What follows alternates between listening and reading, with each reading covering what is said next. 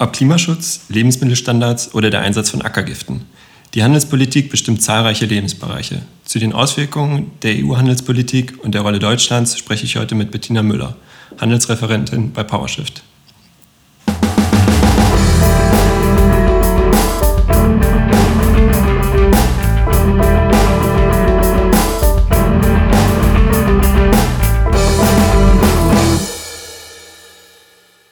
Herzlich willkommen zu Kompass Weltwirtschaft. Ich bin Nico Beckert, Presserefer Pressereferent bei der Berliner NGO PowerShift.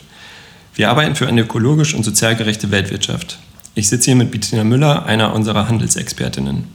Bettina, schön, dass du da bist. Hallo Nico, ich freue mich auch. Vielen Dank für die Einladung. Bettina, du arbeitest seit sehr langem schon zum Thema Handelspolitik. Warum hast du diesen Schwerpunkt gewählt?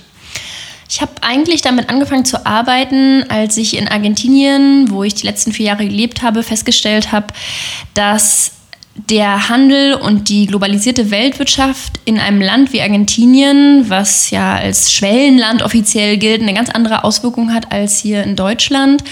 Ich habe mich dann intensiver auch mit dem Thema Konzernklagen beispielsweise befasst und mit einer ganzen Reihe von Ungerechtigkeiten, die über den globalisierten Handel heutzutage äh, zutage treten und die sich vor allen Dingen eben in den, sagen wir mal, weniger entwickelten, in Gänsefüßchen Gesellschaften manifestieren und dort zu Zerwürfnissen führen, dort zu sozialen Ungerechtigkeiten führen, zu der, dem Ausbau eines Wirtschaftsmodells, das vor allen Dingen auf Rohstoffen äh, basiert ist und dachte, da muss ich einfach ein bisschen mehr drüber wissen, weil einfach sehr viele Abkommen heutzutage unterzeichnet werden und ich das ein sehr spannendes Themenfeld finde.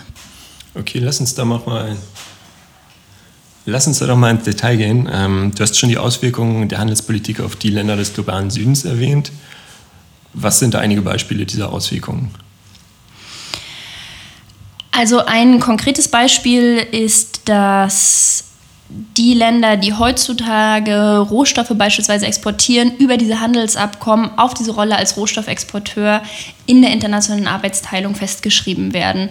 Das funktioniert über bestimmte Klauseln, über Quoten, die in den Handelsabkommen festgelegt werden und die dazu führen, dass beispielsweise Länder wie jetzt Brasilien, Argentinien, aber auch kleinere Uruguay, Paraguay, wenn wir mal bei den Mercosur-Ländern bleiben, eben diese Rolle beispielsweise als Produzent und äh, Lieferer, Zulieferer von Soja, von Schweinefleisch, von Mineralien äh, festgeschrieben werden. Und das fördert natürlich auch, also es ist einmal ein asymmetrischer äh, Handel, ja, und es, es, fördert natürlich auch die Abhängigkeit von den Industrieländern, weil sie selbst über diese Handelsabkommen die Möglichkeit, eine differenziertere, eine diversifiziertere Wirtschaft aufzubauen, eben nicht ermöglicht bekommen. Du hast jetzt Folgen für die Länder des globalen Südens aufgezählt. Ähm, jetzt gab es ja auch große Proteste gegen TTIP und CETA über die letzten Jahre hier bei uns im globalen Norden. Ähm, was sind denn konkrete Auswirkungen von Handelspolitik auf unseren Lebensalltag, sage ich mal, so als Verbraucherinnen und Verbraucher? Einer der ähm, konkreten Auswirkungen, die Länder im globalen, im, im globalen Norden, also Industrieländer, erwarten können, ist zum einen die Privatisierung von öffentlichen Dienstleistungen. Das ist einer der Gründe, weshalb auch viele Menschen gegen CETA natürlich auf die Straße gegangen sind. Wasser, öffentlicher Verkehr, Gas, Strom, alles Dienstleistungen, die privatisiert werden können. Unter anderem in CETA steht das auch relativ explizit drin, dass es dadurch auch sehr schwer gemacht wird, entsprechend äh, diese Dienstleistungen, sollten sie denn privatisiert werden, wieder zu rekommunalisieren. Außerdem findet auch eine Angleichung von Standards statt, aber nicht unbedingt nach oben, sondern eher nach unten. Wir nennen es das, an das Chlorhühnchen, das dann möglicherweise nach, äh, in die EU hätte importiert werden können aus den USA, wäre TTIP weit, wahr geworden. Und diese Angleichung von Standards, was als regulatorische Kooperation bezeichnet wird und viele Leute gar nicht äh, genau wissen, was dahinter steht, hat eben für Verbraucherinnen, vor allen Dingen in der EU, wo die Lebensmittelstandards und die Verbraucherinnenstandards und der Schutz der Verbraucherin ja sehr hoch ist, negative Auswirkungen. Okay, das ist schon mal sehr spannend. Ähm, ich habe jetzt explizit auf so große Abkommen wie äh, TTIP und CETA abgezielt. Ähm, Kannst du nochmal generell was zur Handelspolitik der EU sagen? Ähm, mit welchen Ländern wird beispielsweise gerade verhandelt? Was kriegt man gar nicht so mit, weil es nicht in den Medien ist? Das nächste Abkommen, was im EU-Parlament abgestimmt werden soll, über das im EU-Parlament abgestimmt werden soll, ist das EU-Vietnam-Abkommen. Das wurde bereits vom Rat, dem wurde bereits vom Rat zugestimmt und jetzt äh, soll es noch dieses Jahr im Parlament sein.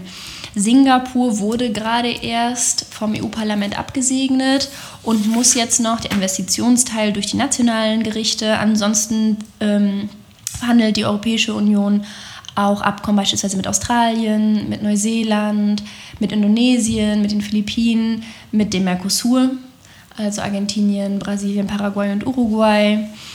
Aber auch mit Kanada ist ja nach wie vor, obwohl es bereits vorläufig in Kraft getreten ist, die Ratifizierung noch ausstehend, weil es noch durch die nationalen Parlamente muss. Also es sind eine ganze Reihe von neuen Abkommen in der Pipeline. Ein ganz großes und wichtiges ist auch das EU-China-Investitionsabkommen, was möglicherweise jetzt im September diesen Jahres unterzeichnet werden soll. Beziehungsweise wo die Verhandlungen beendet sein sollen in diesem Jahr.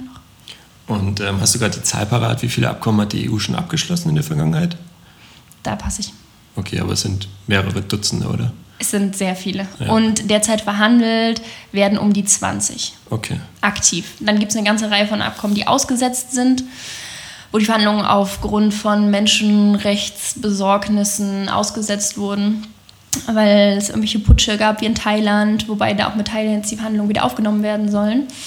Aber genau, und dann haben wir eine ganze Reihe vor allen Dingen von Economic Partnership Agreements, also den sogenannten EPAs mit Afrika, mit afrikanischen Ländern und Regionen, die zum Teil abgeschlossen wurden, aber noch nicht in Kraft getreten sind, die noch weiter verhandelt werden, die zum Teil auch zu richtigen Handelsabkommen ausgeweitet werden sollen. Ja, sehr spannend. Ja, die ähm, Verhandlungen finden ja häufig auch über Jahrzehnte statt, zum Beispiel bei den EPAs, die du gerade angesprochen hast. Ähm, jetzt ist das Klimathema ja gerade sehr groß in den Medien, seit, eigentlich seit Fridays for Future, ein bisschen davor eigentlich auch schon. Ähm, wie wirkt sich der globalisierte Handel denn auf das Klima aus?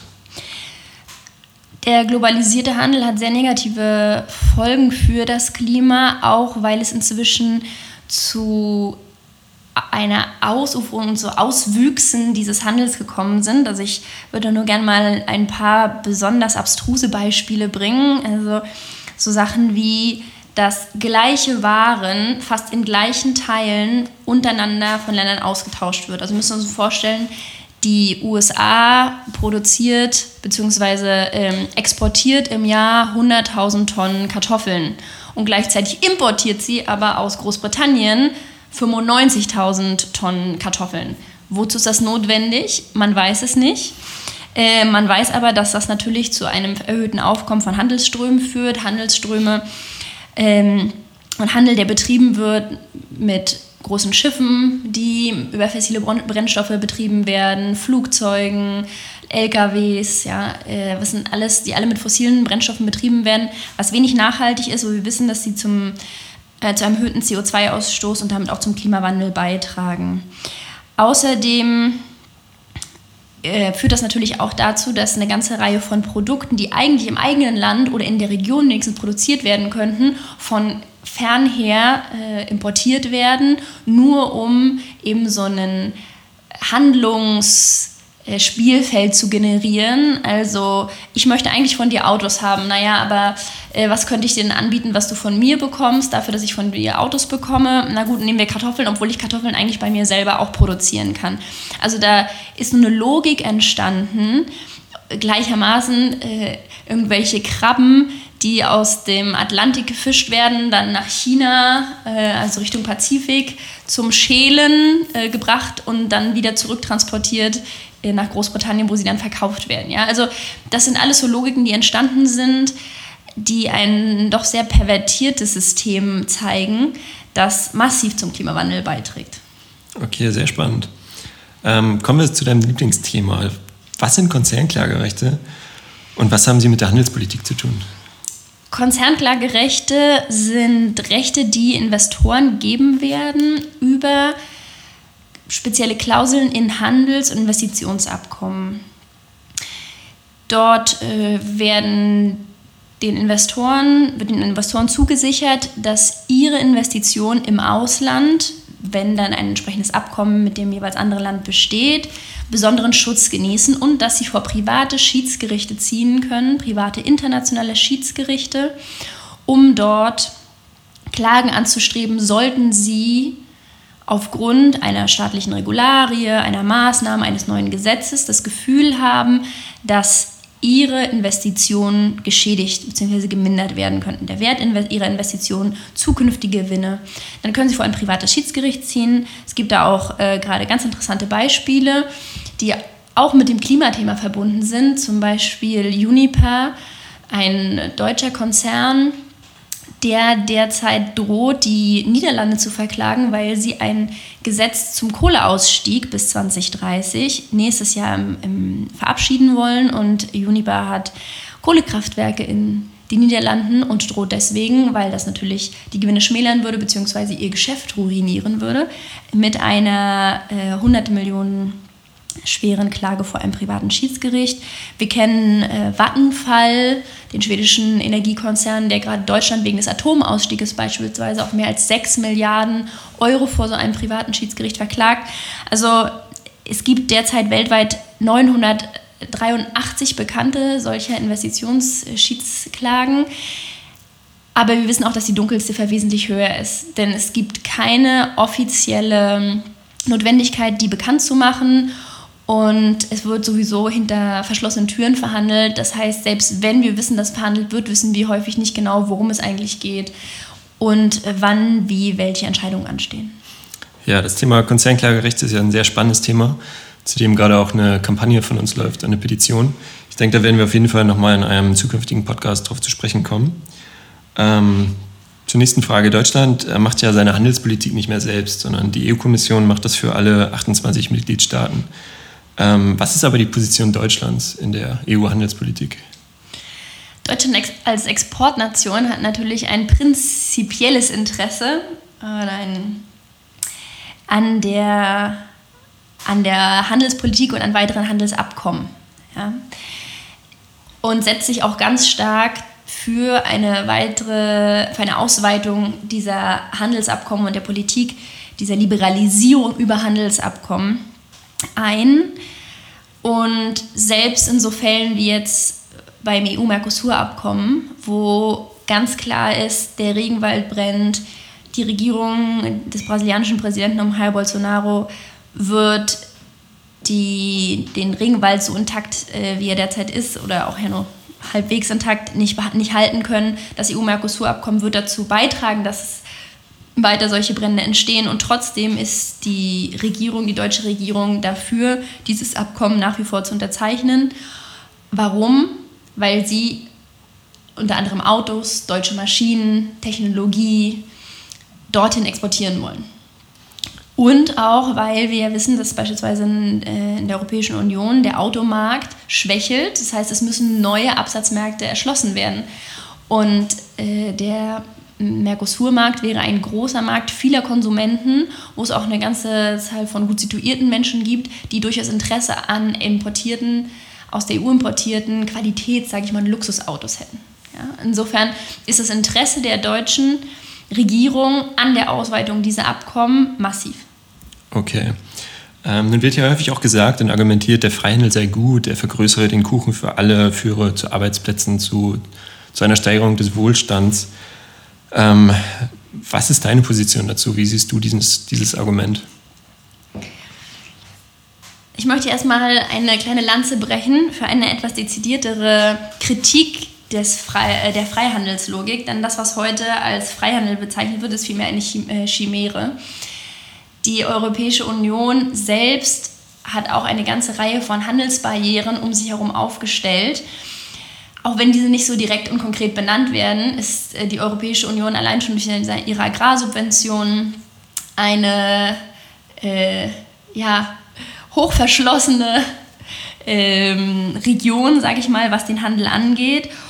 Und die Abkommen, wenn wir uns die genauer angucken, machen auch ganz klar, dass es eigentlich vor allen Dingen um die Öffnung der Märkte anderer geht aber nicht so sehr oder nur in begrenztem Maße und vorsichtig für beispielsweise den eigenen Markt, den eigenen Landwirtschaftsmarkt. Die Subventionen werden natürlich nicht angetastet oder nur in sehr geringem Maße, die ja auch äh, entsprechende Handelsbeschränkungen darstellen. Und es gibt, und das finde ich auch mal sehr interessant und auch wichtig nochmal aufzuführen, exponentielle Zölle, die die Europäische Union beispielsweise verhängt auf äh, verarbeitete Produkte. Also die äh, Elfenbeinküste kann gerne Kakaobohnen in die Europäische Union ähm, exportieren, auch zu einem sehr geringen, möglicherweise so, so 0% äh, Zins, äh, Zollsatz. Aber wenn die jetzt ähm, die Elfenbeinküste jetzt Schokolade exportieren wollen würde, wäre der Zollsatz um ein Vielfaches höher. Das heißt, dadurch verhindert auch die Europäische Union, weil natürlich die Wertschöpfung der höheren ähm, mit einem höheren Mehrwert versehenen Produkte in der Europäischen Union stattfinden soll, weil diese Produkte ihnen auch wesentlich teurer verkauft werden können, ähm, das zu verhindern über diese entsprechenden exponentiellen Handelsschranken.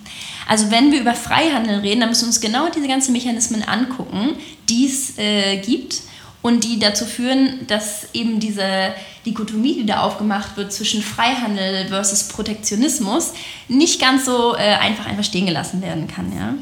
Ansonsten ja, ist der Handel, so wie er heute stattfindet, der globalisierte Welthandel, möchte ich mal nennen, um nicht weiter in diese Idee des Freihandels zu kommen, ähm, etwas, das eher asymmetrische Handelsbeziehungen fördert, das, wie ich schon erwähnt hatte, die internationale Arbeitsteilung ganz klar macht zwischen Industrieländern und, ähm, und den Ländern des globalen Südens, die vor allem als Rohstoffproduzenten genutzt werden.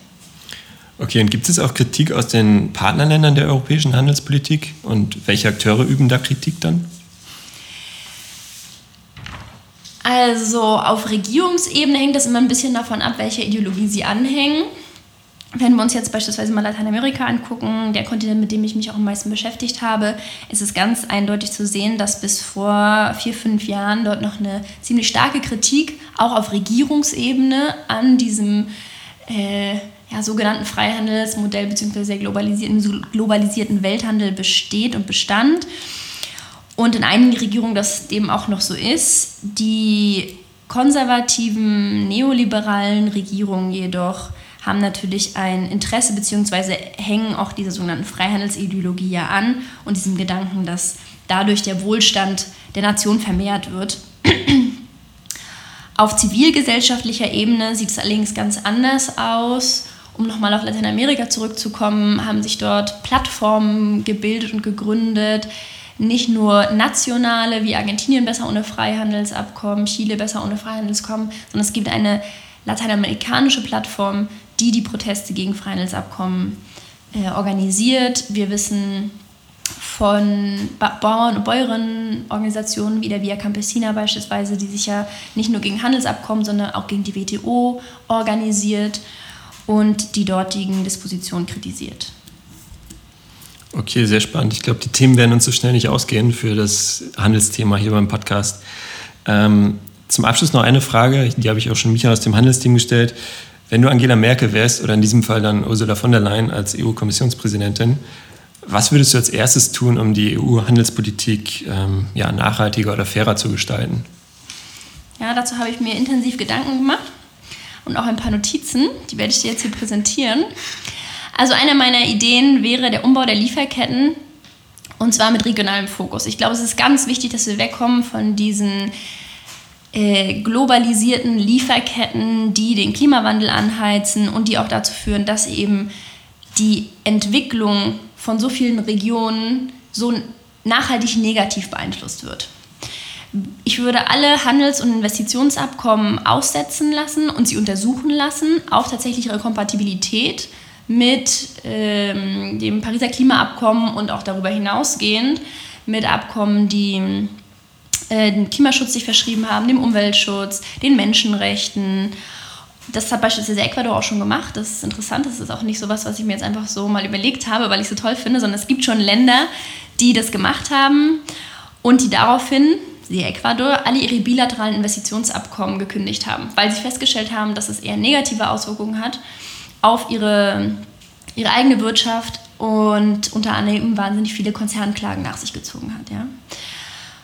Und dann würde ich außerdem äh, mich dafür einsetzen bzw. vorantreiben, dass neue Handelsverträge ausgearbeitet werden, aber auf Basis von Maßstäben der Solidarität, der Komplementarität, dem Gemeinwohl, aber auch den Umwelt, ähm, dem Umwelt- und dem Klimaschutz und in denen ganz klar ist, dass Menschenrechte über den, den, Rechten von Investoren stehen, denn genau das haben wir heute nicht. Heute ist es andersrum. Heute stehen die Rechte der Investoren im Zentrum von Handelsinvestitionsabkommen und deren Profite und die Profitmaximierung. Das sind eigentlich so die Grundideen von, von Handelsinvestitionsabkommen. Und ich glaube, da müssen wir ran, da muss ganz viel verändert werden und das würde ich, dafür würde ich mich als Angela Merkel einsetzen. Okay, vielen Dank. Ich glaube, diese Alternativen zum derzeitigen äh, Freihandelsthema, die können wir nochmal in einem eigenen Podcast aufgreifen. Ich glaube, da gibt es noch viel zu besprechen. Ähm, ich fasse mal zusammen deine Aussagen heute. Ähm, der Handel ist, oder die globalisierte Handelspolitik ist auch ein großer Treiber des Klimawandels ähm, durch beispielsweise den Handel gleicher Güter, aber auch den Handel von ja, vielleicht mal unnützen Gütern, ähm, kommt es zu massiven CO2-Emissionen. Ähm, insgesamt sollte der, der Freihandel fairer und nachhaltiger aufgestellt werden, denn derzeit ist er eine, eine Art Chimäre, wie du gesagt hast. Und ähm, man kann eigentlich nicht vom Freihandel sprechen, wenn wir die EU-Handelspolitik angucken, weil sie ihren eigenen Markt, beispielsweise den Agrarmarkt, selbst durch hohe Standards schützt. Ich glaube, das ist eine gute Zusammenfassung, oder? Dankeschön.